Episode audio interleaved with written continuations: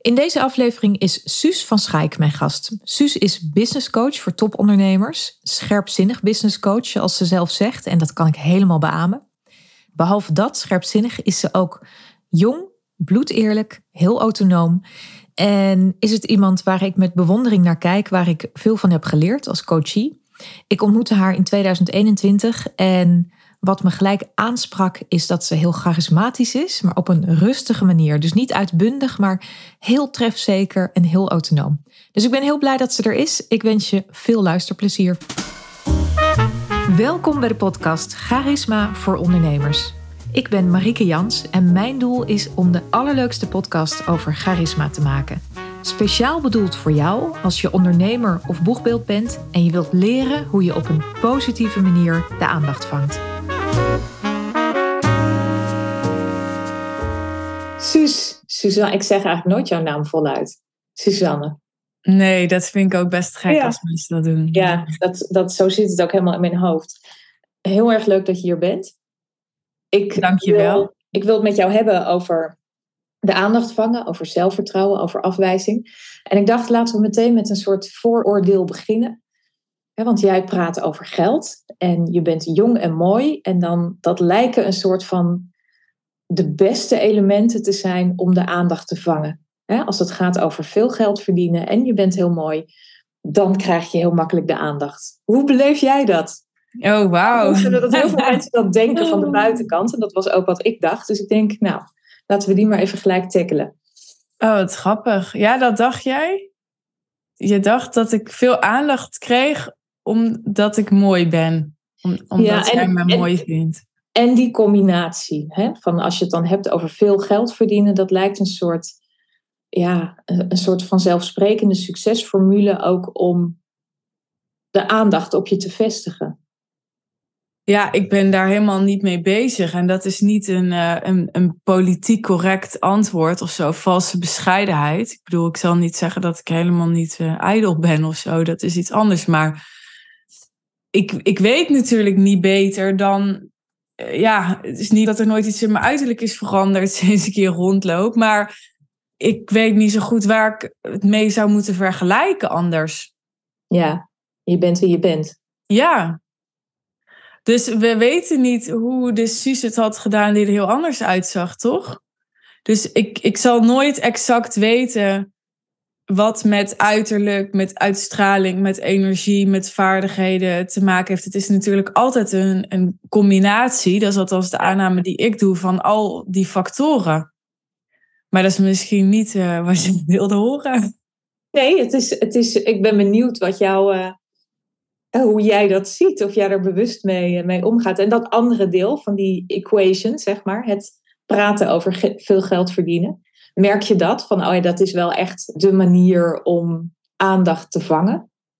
Ik voel me niet iemand, gek genoeg misschien, die heel erg over geld praat. En ik realiseer me dat ik wel zo'n imago heb. En jij benoemt dit en het is vaker aan me teruggegeven. En het is ook niet zo dat ik niet over geld praat. Sterker nog, ja, geld is echt wel een, een centraal thema voor mij. In, uh, nou, sowieso natuurlijk in mijn zakelijk leven, maar het is ook wel echt een levensthema voor mij tot nu toe. En tegelijkertijd, ja, ik, ik kijk dan zelf misschien naar anderen waarbij ik het gevoel heb dat het over nog veel meer geld gaat, of dat het nog veel meer geld gedreven is, of dat het dus ik ja, ik kijk zelf, ik heb laatst nog een post gemaakt over emoties, weet je wel. Dus ik, ik heb het gevoel dat ik toch best wel over een verscheidenheid van dingen praat. En dat het vooral heel erg over de implementatie en de uitwerking en de, de voordelen van het high-end business model gaat en alles wat daarbij komt kijken.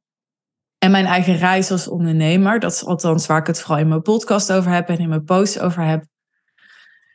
En ja, ik heb dus, ik identificeer me dus niet met iemand die heel veel over heel veel geld verdienen praat. Daar gaat het ook helemaal niet zozeer om in de privégesprekken die ik voer. Dat scheelt misschien ook. En toch ja, ben ik me ervan bewust dat voor een groep mensen, ik weet niet of het een grote groep is, maar in ieder geval voor een groep mensen, ik wel dat vertegenwoordig van, oh, Suus is van het grote geld. Maar wat denk ik ook scheelt is, ja, waar heb ik het nou steeds over? Over een miljoen. Ja, ik vind dat ook helemaal niet veel geld meer. Ja, hoe meer je in dat spelletje zit, hoe meer je merkt, oh, ik ben eigenlijk nog helemaal niemand. Hoe meer je weet, hoe meer je weet dat je eigenlijk nog niks weet. ja. Het was voor mij een soort beeld hoe ik jou zag. Nou, inmiddels is het helemaal veranderd. Hè. Ik heb ook een jaar uh, ben ik uh, coachie bij jou geweest in jouw programma. En een van de dingen die ik echt heel erg, dat zal ik ook nooit vergeten. En ik weet niet, dat was me in het begin van het jaar nog niet duidelijk, maar dat zei je ergens, halverwege dat jaar. Je zei van, ik heb, ik werd eerst 60 keer of 59 keer afgewezen met mijn idee. Mijn idee van ik, ik word uh, coach en ik ga dat high-end business model inderdaad, um, hè, ga ik leren aan anderen. Dat daar dus een hele reeks afwijzingen aan vooraf ging voordat, jij, voordat je dat aan de praat kreeg. Ik vond het zoiets sterks en zoveel zeggen over hoe jij erin staat en wie je bent en, en hoe je ontzettend in je eigen idee gelooft. Maar kan je ons een beetje meenemen in die tijd? Van hoe lukt het jou om toch met zelfvertrouwen naar buiten te treden, terwijl je afwijzing op afwijzing kreeg? Ja, nou, ik denk om met dat laatste te beginnen, dat je helemaal niet moet denken dat het altijd lukt. Dat lukt natuurlijk ook niet altijd. Daar begint het dan mee. Daar moet je ook helemaal niet naar streven. Volgens mij zit de bevrijding hem juist in accepteren ja, dat, dat je soms wel eens gewoon helemaal geen zelfvertrouwen hebt. Maar om heel even op dat verhaal terug te komen. Het was niet helemaal aan het begin om het te nuanceren. Ik denk als het helemaal aan het begin was geweest, voordat ik überhaupt in deze business klanten had gehad, dan, dan denk ik niet dat ik, uh, dat ik dat 60 keer had volgehouden. Want je hebt ook iets van validatie nodig. Dat, dat zou ik mijn klanten ook adviseren. Van joh, als, het, als er zo vaak geen conversie is, dan is er iets nodig. Dus ik had die validatie al gehad. Ik had gewoon al klanten gehad en, en nog steeds. Ik had gewoon lopende klanten. Maar er kwam een fase dat het uh, stagneerde. Dat je, iedereen is was bang voor dat moment dat het dan opeens allemaal opdroogt. Dat ken je wel, toch? Dat je denkt, nou nu, tot dit moment heb ik het allemaal volgehouden, maar nu is het gewoon klaar, weet je? Nu is het gewoon op, of dat kennen we allemaal wel. Ja, en, en dat was dus zo'n moment bij mij dat ik dacht, ja, is het dan nu klaar? Maar het klopt, ik, ik, uh, ik geloofde heel erg in wat ik deed. Nog veel meer dan nu, zou ik willen zeggen. En het is niet dat ik er nu minder in geloof, maar uh, ja, ik ben natuurlijk nog vrij jong en ik doe dit nu vijf en half jaar, wat best een, een stuk van mijn leven is, procentueel. En hoe ouder je wordt, is in ieder geval mijn ervaring, je krijgt steeds meer nuance. Je ziet steeds meer, oh, dat kan ook, dat kan ook. Dus, maar ik had toen, dat was echt, is, is een voordeel. Tenminste, in mijn geval is denk ik ook het voordeel van jong zijn. Ik, ik kon op een soort gezonde manier, zo kijk ik daar wel op terug, echt nog een soort oogkleppen opzetten. En ik weet nog, ik zat in een coachingsgroep ook met mensen die allemaal ouder waren dan ik. Ik was de jongste. En het ging mij het makkelijkste af. En ik denk niet per se omdat ja, jonge mensen sneller leren of zo. Daar kan je ook nog theorieën op loslaten. Maar vooral omdat ik, ja, ik had misschien nog een, een soort gezonde naïviteit of zo. En hoe ik omging met al die afwijzingen, want daar ben je benieuwd naar. Ja, ik heb daar geen hele mooie woorden voor. Anders dan een coach zei ooit tegen mij: Ja, soms moet je gewoon verduren. Dat is het gewoon. Ik, ik vind voor afwijzing echt niet per se leuker of makkelijker dan een ander, denk ik. Het is wel dat je kan leren ermee om te gaan en kan leren er niet zoveel betekenis aan te geven. Ik heb het nooit op mezelf betrokken. Ik heb nooit gedacht, oh, dus ik ben niet goed genoeg in wat ik doe of zo. Ik heb wel heel erg um, getwijfeld aan, is mijn marketing dan niet goed? Doe ik mijn salesgesprekken dan niet goed? Uh, zijn mijn foto's dan te blond? Uh, je weet wel, je gaat alles af, dat wel. Maar dat is iets anders dan dat je echt wezenlijk twijfelt aan je eigen kunnen. Zo heb ik dat niet ervaren. Dus jij geloofde zo in dat model, in, in waar je voor stond. En, en je accepteerde dat er afwijzing bij kwam. Dus ik, ik weet niet of je, of je dat nog een beetje herinnert. Bijvoorbeeld hè, als je dan zo'n dertigste keer een afwijzing hebt. En je, en je gaat weer opnieuw een gesprek in met iemand hoe dat voelde dan. Want in zo'n gesprek moet je natuurlijk toch vol zelfvertrouwen, moet je daar zitten en moet, jou, moet je jouw idee verkondigen. Ja. herinneren hoe dat dan Nou ja, het is, het, het, is ook meer dat. Kijk, nu klinkt het ook heel dramatisch. Zo. Dan zat ik daar voor de dertigste keer, was ik 29 keer afgewezen. Maar dat voelde toen wel anders. Ik moet zeggen dat ik 60 keer was afgewezen. Dat ik hield toen mijn calls allemaal bij in een spreadsheetje. En op een gegeven moment dacht ik, ik ga gewoon eens stellen.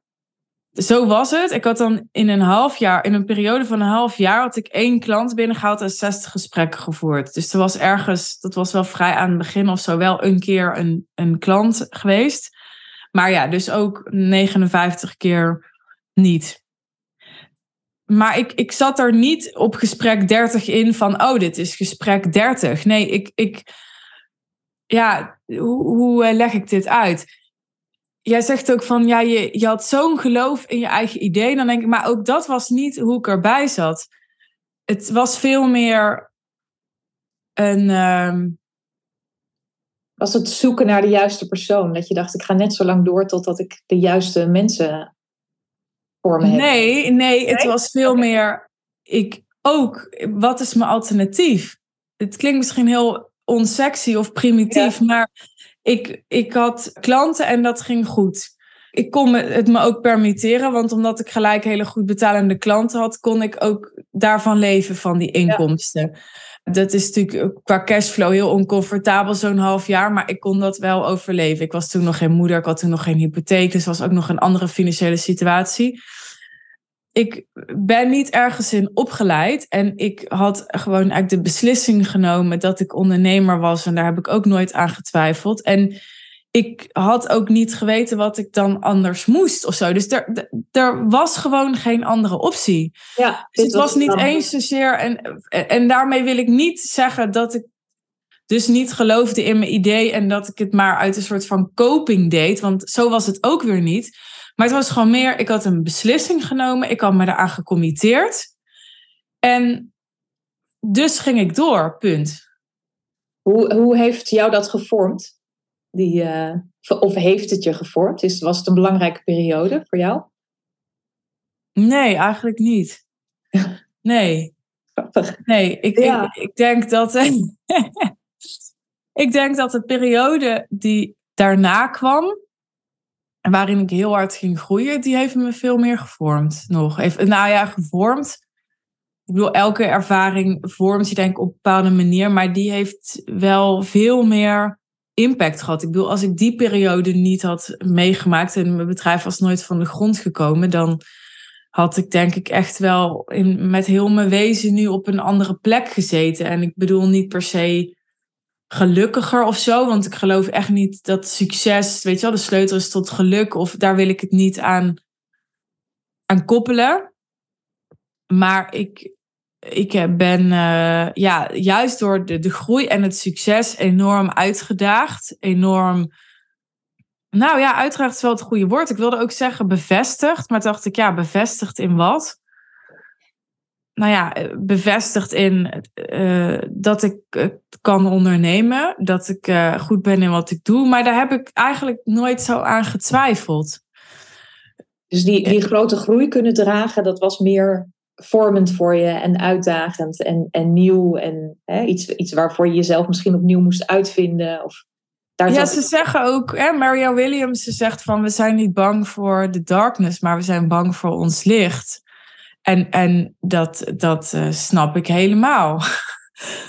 en, en niet dat het, dat het licht, hè, dus als ik even dat, dat licht vertaal naar groei of succes, niet dat dat zwaar was of zo. Dat niet. Ik heb daar enorm van genoten. En nu is net, ik praat net over alsof het afgelopen is. Dat hoop ik niet. Maar, maar goed, hè, als ik kijk naar de afgelopen periode, ik heb daar enorm van genoten. En, en ik ben daar enorm van gegroeid. En alleen, ik zie wel dat het heel erg wordt onderschat. Wordt heel erg onderschat. Bij uh, zoiets als afwijzing. Hè, je stelt me niet voor niks de vraag dan is van jeetje, ja, hoe kom je dat door? En met succes is dat, uh, is dat heel anders. Daar is eigenlijk op een bepaalde manier veel minder begrip voor. Omdat we, omdat we denken van de buitenkant, dat gaat allemaal zo, zo makkelijk en zo gesmeerd en zo. Is dat het, denk je? Nou, dat, maar ik denk meerdere dingen. Ik denk ook dat er dingen als afgunst of jaloezie gaan spelen, al is het op een heel onbewust niveau. Ook om dat, er, dat er iets gaat spelen als, joh, zij kan het toch wel leiden, weet je wel? Of het nou financieel is of emotioneel of wat dan ook. Want wat ik ook wel met terugwerkende kracht zie, is dat mensen soms onderschatten dat je gewoon nog mens blijft en niet opeens minder wordt geraakt door dingen of zo. Maar ook, ja, gewoon praktisch. Er komt uh, heel veel op je af dan. Er komt gewoon veel op je af. Ja, ik heb ook nog een huis gekocht in die groei. En uh, ik had ook nog privé dingen spelen. Best wel impactvolle dingen.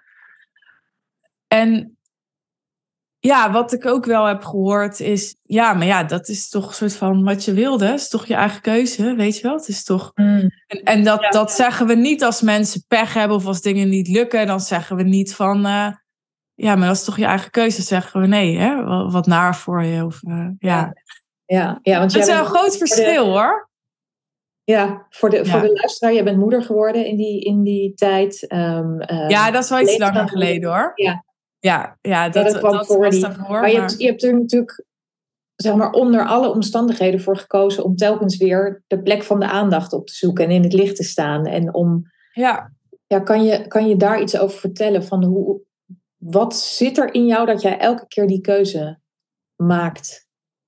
En durft te maken, of wil maken, of kan maken? Is dat, is zeg maar commitment echt de, de rode draad daarin? Ja, commitment is wel een belangrijke, maar er is, het, het, het is eigenlijk nog dieper. Het is dat ik denk ik echt, ik zou denk ik echt doodgaan op een kantoor zonder zichtbaar te zijn. Het is voor mij bijna, ja, je kan dat ook uh, narcistisch vinden of zo. Ik bedoel, als je dat doortrekt, maar ik denk dat de, de, de eerlijkheid is dat ik ook gewoon iemand ben die, die van aandacht houdt. En, en die dat ook nodig heeft, die zich daar ook aan voedt. En kan dat ook wel nuanceren. Hè? Dus uh, ik ben ook heel introvert. En als ik bijvoorbeeld kijk in, in mijn directe omgeving, hè, bijvoorbeeld in mijn straat of zo.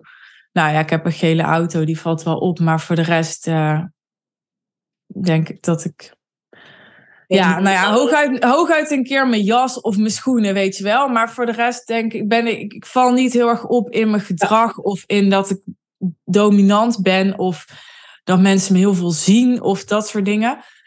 En, en dat wil ik dan ook vooral zo houden. Dus ik, ik heb dan, ik bedoel, ik heb een tijgerjas zo, maar die, die doe ik dan niet aan omdat ik dan daar aandacht mee wil. Dat vind ik dan gewoon zelf leuk. Maar als ik op straat mijn hond loop uit te laten, dan denk ik altijd, laat mij maar met rust. Dus het zijn echt twee kanten. Ik ben ook een, een Human Design 2-4. Dus 2 is kluizenaar, 4 is netwerker. Nou ja, dat, dat is het ook precies. Dus dat netwerken, dat zit hem in... Ja, dat ik wel heel erg de, de, de diepgang zoek in het menselijk contact. En dat diepgang, dat klinkt misschien tegenstrijdig met aandacht of zichtbaarheid. Dat klinkt misschien wat oppervlakkig, maar ja, dat is het voor mij niet. En aan de andere kant ook het heel erg alleen moeten contempleren en opladen. Ja, maar als dat er alleen zou zijn, dat alleen, dan zou er toch een vorm van. Je, je, je gaat aan of je bent levend, zeg maar, als je ook die zichtbaarheid mag opzoeken. Ja, ik verlang er wel eens naar hoor. Ik ben er wel eens klaar mee. Ik zit nu ook in een periode, ik weet niet of het iemand is opgevallen, maar ik heb nu denk ik echt zeker een maand niet meer, zeg maar, praten met mijn hoofd ben ik op stories geweest. Uh, dus ik heb die periodes wel. Mm. Dan, dan, dan voel ik het gewoon niet. Dan, dan zit daar geen energie op. En dan heb ik gewoon, zit ik even in zo'n, laat mij maar even met rust. En dan ik blijf wel podcasten. Ik blijf, dus ik kijk altijd wel, wat, waar zit wel energie op? Wat wil ik wel doen? Ja, je valt niet helemaal stil, maar je kiest er wel een andere vorm voor die ja. de energie waar je in ja. zit. Ja. ja. Maar ik heb dat dus wel. En ik, er is dus ook een deel in mij wat daar wel naar verlangt. Ik kan ook echt soms wel eens denken: oh, hoe, hoe zou het leven zijn zonder social media? Oh, ik zie wel echt daar de, de, de voordelen van. En ook de nadelen, maar ook absolute voordelen. En ja, bovendien, er zijn natuurlijk andere manieren om in het licht te staan en aandacht te krijgen dan alleen via social media. Hè? Maar ja, de, ik, ik weet gewoon dat er ook echt een, een soort podiumachtig dier in mij zit. Wat, ja, wat in een vorm altijd naar buiten moet. Ja.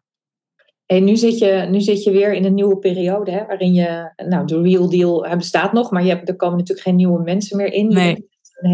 Jouw business en jouw model en wat, je, wat jij biedt aan het, of dat heb je eigenlijk geherdefinieerd. Je hebt iets nieuws. Ja. Zit je nou weer een beetje in zo'n periode van dat die externe validatie er nog niet helemaal is en dat je dat, je toch met heel veel zelfvertrouwen naar buiten moet treden? Of voelt dat heel anders?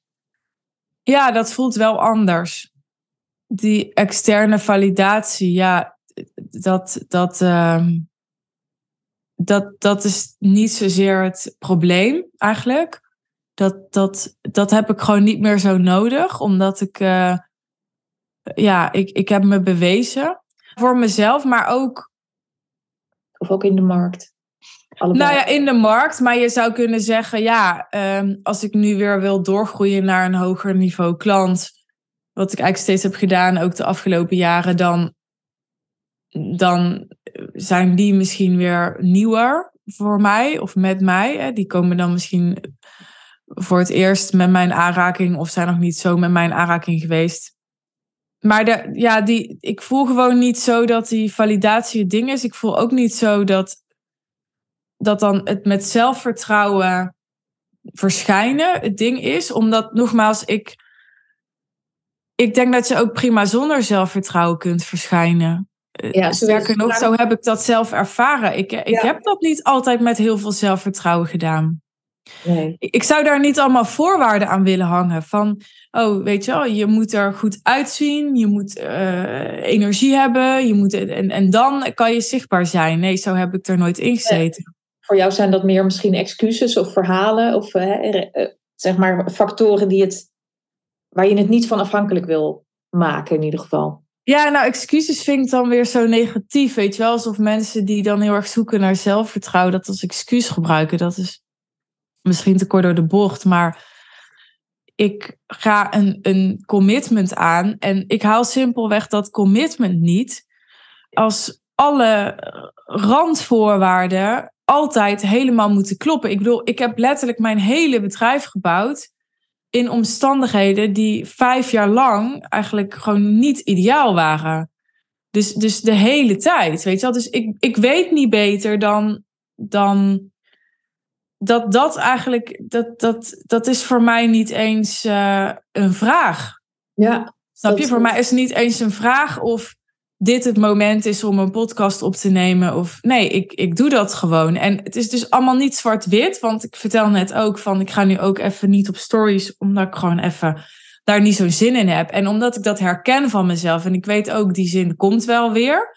Dus dat wordt mhm. ook bij mijn human design. Dat ik ga een beetje met golven.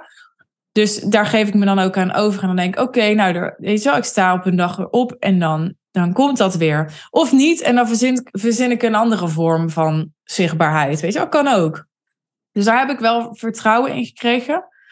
Maar ik vond het wel goed om nog even terug te komen op je vraag. Want je vroeg natuurlijk, zit je dan nu weer in zo'n fase? En toen zei ik, nou eigenlijk niet.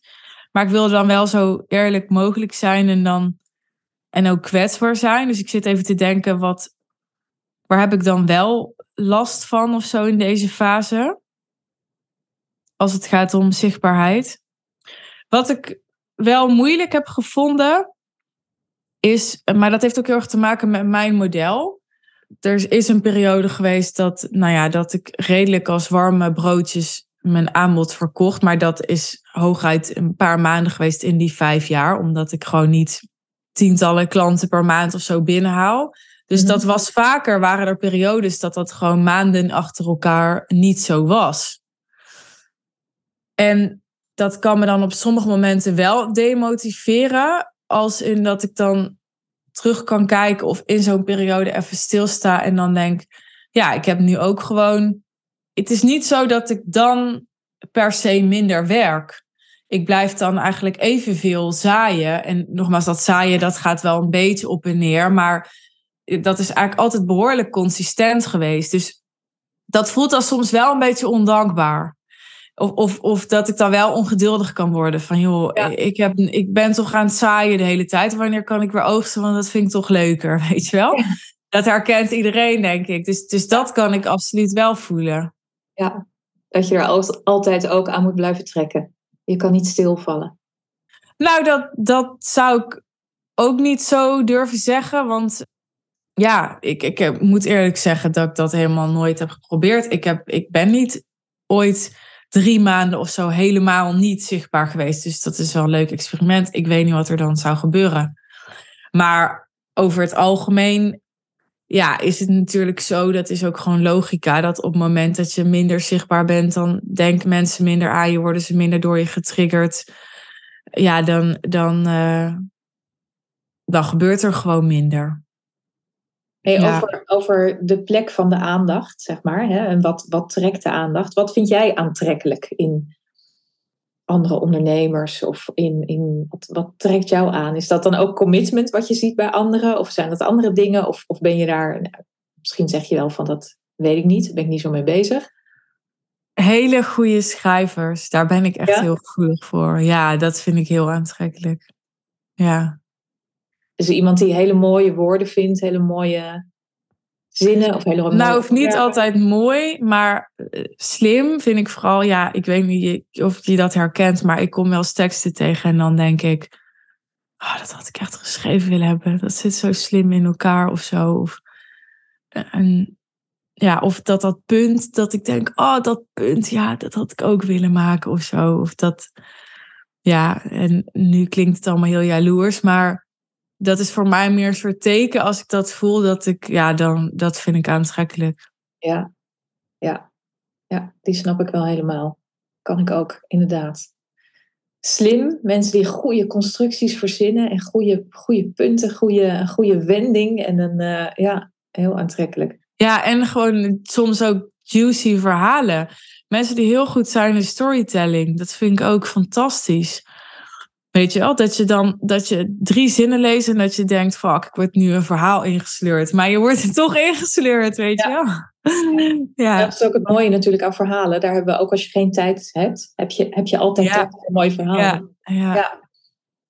Zijn er nog meer dingen waarvan je denkt, oh, dat is een mooie manier, daar, daar wordt mijn aandacht door gevangen of dat vind ik charismatisch aan iemand? Ja, ik weet niet of dat dan charismatisch is, maar als je het hebt over wat ik aantrekkelijk vind, dan. Ik ben ook wel toch gevoelig voor mooie dingen. En mooi kan ook een beetje rauw zijn. Hè? Dus mooi bedoel ik niet per se polished mee, want dat vind ik mhm. dan altijd weer.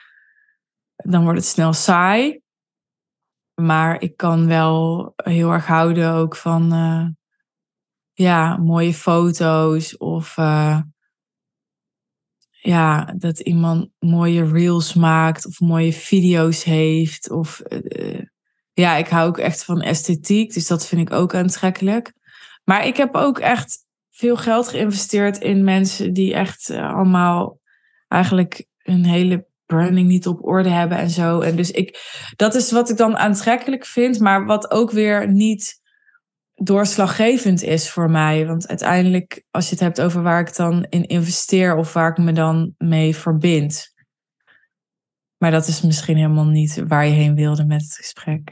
Ja, ik, ben, ik ben benieuwd hoe dat werkt bij jou inderdaad. Hoe dat, uh, hè? En ook, ook om te kijken, nou, voor mensen die luisteren, van wat, wat, uh, hè, wat kun je doen om die plek in de aandacht goed te dragen Hè, daar, daar goed in te staan. En, en jij zei ook van nou, zelfvertrouwen is daar niet per se voor nodig. Het is meer een, uh, een houding bijna.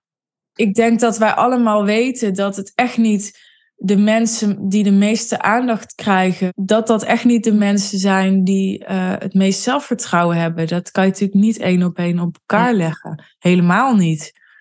Ik zeg ook niet dat het de mensen zijn met het minste zelfvertrouwen. Dat, zo werkt het volgens mij ook niet. Maar ik denk dat dat niet zoveel met elkaar te maken heeft. Dus kun je concluderen, je hebt niet per se zelfvertrouwen nodig. Hooguit een bepaalde persoonlijkheid, dat je uit een bepaald hout bent gesneden of zo. Dat, dat kan ik me wel voorstellen. En ja, als je je dan niet heel erg een soort podiumdier voelt. Of heel erg de natuurlijke drang voelt om in het middelpunt staan. Of om aandacht op je te vestigen. Dan zou ik willen zeggen, het is volgens mij wel iets wat je kunt, wat je kunt oefenen. Ik denk dat dat ook heel erg wordt onderschat. Kijk, ik vergeet dat wel eens. Ik, ik zeg net ook van, ja, er is gewoon iets in mij wat altijd dat podium nodig heeft. Maar ik vergeet daarbij wel eens dat ik. Ik, ik weet oprecht niet of ik echt zo geboren ben. Ik moet wel zeggen, ik had ook in groep 8 de hoofdrol in de iMusical en zo. Dus iets daarvan zal er wel in zitten. Maar het is ook zo dat ik op mijn vijftiende een blog ben gestart. En elke dag mezelf uh, ja, fotografeerde en op internet zette. Wat toen, tegenwoordig maakt iedereen selfies en zo. Maar ja, dat, dit is uh, hoe lang geleden? Bijna 15 jaar geleden nu. Dat was toch een andere tijd. Ja. ik ben nog jong, maar het was toch een andere tijd. En um, ik zat nog op school en uh, ja, mijn klasgenoten vonden dat ook heel raar. En mijn vader had op een gegeven moment ook zoiets van: is dit wel goed voor je zelfbeeld? Dat je jezelf elke dag fotograferen en zo. En, nou ja, dat zullen we nooit weten of het goed is geweest voor mijn zelfbeeld. Maar feit is dat ik wel vanaf dat moment ben gaan trainen dat ik zichtbaar was. En dat was ook echt trainen, want ja, ik, ik was 15 en ik was helemaal niet digital minded. En het was me dan net met de hulp van een klasgenoot gelukt om een, een blogspot aan te maken. Dat had je toen nog blogspot. En Instagram bestond nog niet. Volgens mij bestond het echt nog niet, misschien net. Maar dan zaten er waarschijnlijk drie mensen op. En ja, Facebook was ook nog in een heel andere fase. En die hele wereld was totaal anders dan nu.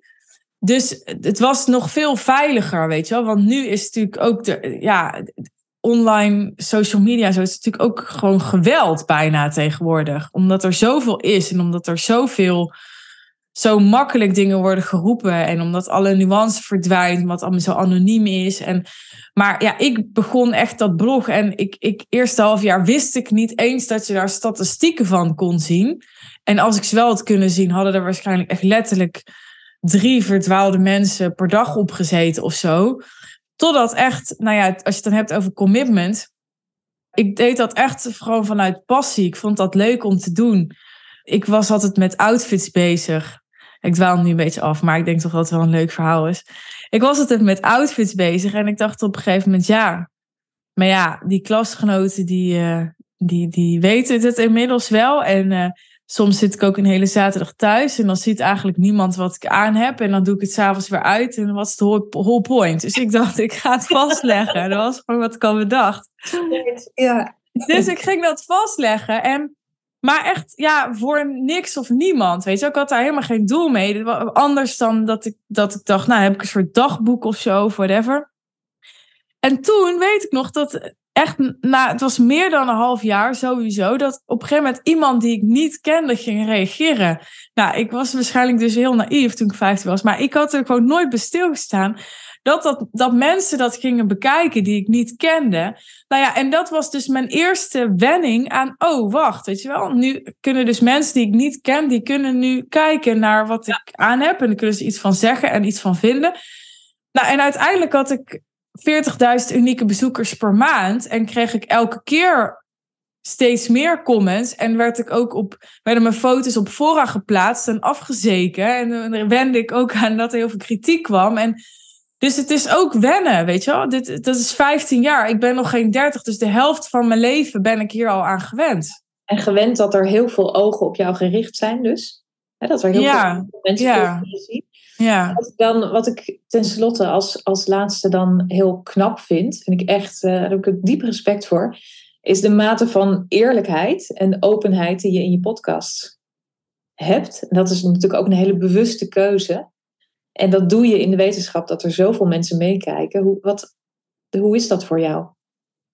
Ja, dat is grappig dat je dat zegt. En gisteren kreeg ik ook weer een bericht van iemand die zei: Oh, jij bent al zo open. En dan, ik denk dan af en toe maar wat zijn andere mensen dan?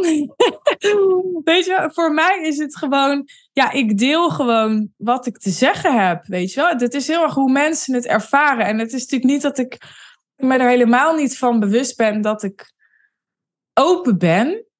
Maar ja, ik denk, ja, als ik heel veel meer ga weglaten, dan, dan, dan ja, dan, uh, dan mis ik dus ook die diepgang. Want dan wordt het een heel eenzijdig verhaal. Ik probeer gewoon zoveel mogelijk het, het verhaal rond te maken. Dat is wat ik probeer. Ja, want als het vlak wordt, ga jij je vervelen en dan is het eigenlijk de hele... Ja, daar vind ik er niks meer aan. Krijg je ook what's the point. Ja, precies dat, ja. Ja. ja. Dus dat is, dat is ergens een... De, ja, ik, ik, ik kan bijna niet anders. Of hoe ze ja. dat nou moeten weglaten. Ja. ja. Voel je wel eens geremd daarin of niet? Heb je dat niet? Ja, ik ben uh, vorige week nog op mijn vingers getikt door mijn jurist zelfs. Mm. Ja, je mag niet alles zeggen. Ja, dus ik word daar ook wel eens geremd. Ja, ja en... Uh, dat ging over iets van je team waarschijnlijk, om het even een heel klein beetje te duiden. Ja, nou ja, eigenlijk alles wat, dat is natuurlijk ook logisch, alles wat niet goed gaat, zeg maar, daar, daar ja, dat, dat, dat is natuurlijk ook hoe mensen dan naar kijken, daar moet je voorzichtig mee zijn. Want ja, of je kan mensen kwetsen, of je kan hun privacy schenden, of je kan dingen laten escaleren, of je kan whatever. Ja, dat snap ik wel. En ik vind het een beetje flauw. Ik bedoel, ik denk, ja, de dingen die misgaan, die mogen er ook gewoon zijn. En ik vind het wel belangrijk om niet. Ik zou niet eenzijdig bijvoorbeeld iemand willen beschuldigen ergens van. En dat die ander dan niet. Een, dat, dat probeer ik echt niet te doen. Ik probeer zoveel mogelijk. En nou, ik zal daar ooit uh, heus wel eens een keer een fout in hebben gemaakt. Maar ik probeer echt zoveel mogelijk vanuit mijn eigen beleving en vanuit, vanuit mezelf, bij mezelf te houden. En dan te kijken, oké, hoe is dit ook helpend voor die ander om. Nou ja, kijk, als niemand die dingen die dus niet goed gaan of waar risico's aan zitten benoemt, dan wordt dat ook niet genormaliseerd. En mhm. dat normaliseren, dat vind ik heel belangrijk. Want anders krijgen we allemaal hele ongelukkige, verknipte mensen. Want bij iedereen gaan er dingen mis. En ja, hoe moet jij anders over jezelf denken als je niet ziet of hoort dat dat bij andere mensen ook gebeurt en zo. En dan, dan ga je gedemotiveerd raken, je gaat aan jezelf twijfelen. Dus je gaat als ondernemer dan ook niet kunnen floreren. En ik ben er natuurlijk ook om ondernemers ja, eh, te bekrachtigen en te helpen groeien. En voor mij is er onderdeel van om ook de, de, de dark side, zeg maar, die ook te benoemen, zodat je gewoon kunt accepteren, oké, nou, dat, dat is blijkbaar gewoon wat erbij hoort. Dat helpt mij ook heel erg als mijn mentor zegt, oh, ga je nu daar doorheen? Oh, dat is heel normaal. Voel je daar ook een beetje verantwoordelijk voor? Als hè, je bent toch iemand die voorop loopt, die, uh, al weet ik niet of je dat zelf zo beleeft, maar voel je daar een verantwoordelijkheidsgevoel? Dat, dat...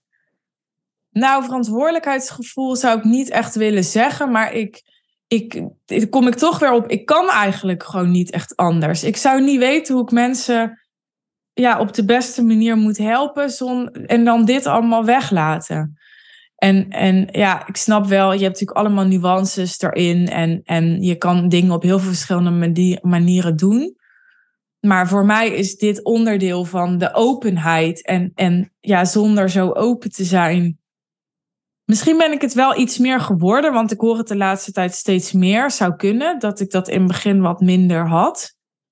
Maar als dat al zo gegroeid is, dan is dat ook weer omdat toch het bloed kruipt waar het niet gaan kan. En ik ben een wezen wat echt diepgang nodig heeft. Dus als ik op een gegeven moment 100 afleveringen heb gemaakt en ik denk, ja, dit hebben we nu wel uitgespeeld, dan ga ik kijken hoe we een laag dieper kunnen. Ja, mooi. Zo, zo komt het ook helemaal. Uh, ik bedoel, dat, dat is ook wat er boeit eraan. Dat het ja, ja. is. En ja. zoveel, zoveel, um, zoveel kanten van de, van de kristal, zeg maar, belicht en laat zien. Ja. En wat je zegt inderdaad, dat je daar heel, heel. Ja, dat je dat toch elke keer vanuit je eigen positie doet. Ja, mooi. Ja, dat uur is, uh, is zo'n beetje voorbij. Heb je nog één laatste ik denk dat, dat alles al gezegd Nou ja, nee, we kunnen nog heel veel, heel veel langer doorpraten. Maar is er nog één laatste ding waarvan je zegt, oh, dat wil ik nog wel benoemen als het over aandacht gaat? Of? Nou ja, het, als ik daar dan heel even op inga, ik weet niet of je daar iets mee kan. Maar daarvoor geldt dat ik me eigenlijk helemaal niet zie als iemand die heel veel aandacht pakt. Ik bedoel, ja, ik heb 10.000 Instagram-volgers, maar tegenwoordig is dat ook weer niet zoveel. Ik bedoel, kijk naar de, de likes op mijn eh, LinkedIn-post. Nou, die liggen misschien rond de 15 of zo gemiddeld. Nou, dat is ook weinig.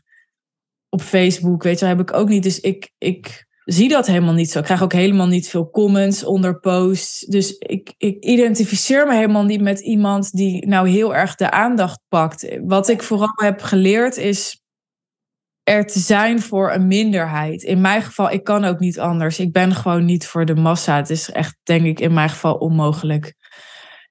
Ja, dat is een mooie. Ik denk dat dat voor veel mensen geldt eigenlijk. Sommige mensen zijn, en daar heb ik dan weer heel veel respect voor die zijn echt voor de massa, weet je wel. Die slaan aan bij de massa. En die, ja, ik bedoel, even in mijn zien bijvoorbeeld een Monica Geuze of zo, die dan nu helemaal het gemaakt heeft, uh, ook als presentatrice en zo. En...